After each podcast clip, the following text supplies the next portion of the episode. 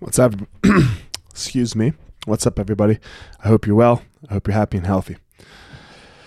So, uh, the second time in my life that I had a big bout with anxiety and uh, I couldn't sleep and all that stuff, um, the way I dealt with it uh, was I would watch the same movie over and over and over again at night to fall asleep. And that movie was A Time to Kill.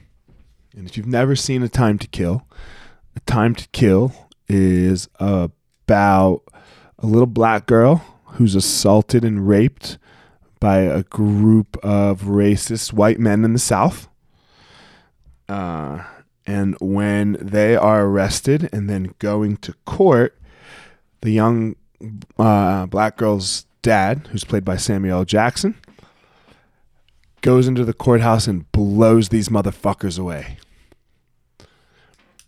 And he is then subsequently arrested for murder. And, uh, you know, his lawyer's Matthew McConaughey, and there's this big trial, and it's the South, right? Like, uh, so uh, still, obviously, you know, some a very racist area in the South. And you know, at towards the end of the movie, Samuel Jackson gets on the stand to defend himself, uh, to make it all dramatic, and the prosecution is cross-examining him, and the prosecutor gets, you know, gets Samuel Jackson, Samuel. Jackson to say, "Yes, they deserve." Uh, what was it? Uh, yes, they deserve to die, and I hope they burn in hell. Was was his quote?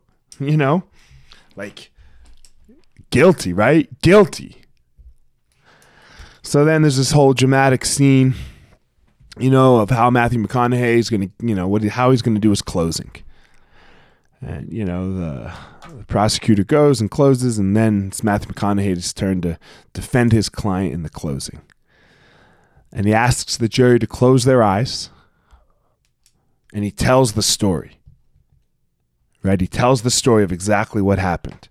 You know, imagine you're this guy. Imagine this is how it goes. You, I want everyone to close their eyes now, and your daughter is raped, and you're, you know, and you are there, and and here it is, and and boom, boom, boom. He's he's walking everyone through the series of events, and he's just painting the picture of Samuel Jackson, of, of who he is. And then he goes, "Now I want you to imagine that he's white." That's white privilege. So before we knew of this term, before it was a hot topic word, right? In 2010, whenever it came, 13, 14, who, 2005, I don't care. This movie, Time to Kill, is from the 90s. And they described what it is. White privilege has nothing to do and does not mean that you were actually privileged. You could have had a very uh, unprivileged life. It could be very difficult. Um, I wish there was a better way to term it. I don't know that there is. But it's a privilege. Because all of the hardship that any uh, white person has faced. And that, man, there is a lot. I won't say that there's not a lot. You know, I won't say that there's not, there's not hardship for a particular white person. And I and I know that word privilege. It, it, like when you say white privilege, it's so hard to explain because it's like, but man, I'm not privileged. I'm I'm not right. Like I, you know, I I understand that that that that cry that it's not a cry, but I understand that statement. But you are. Because if we added one more thing that you had nothing to do with to your already shitty circumstance, let's say, and that be let's change the color of your skin, the, the change the color of your skin and make it a couple shades darker, your life would have been more difficult. And that's the privilege. It's the privilege of never having to worry about an interaction with the police.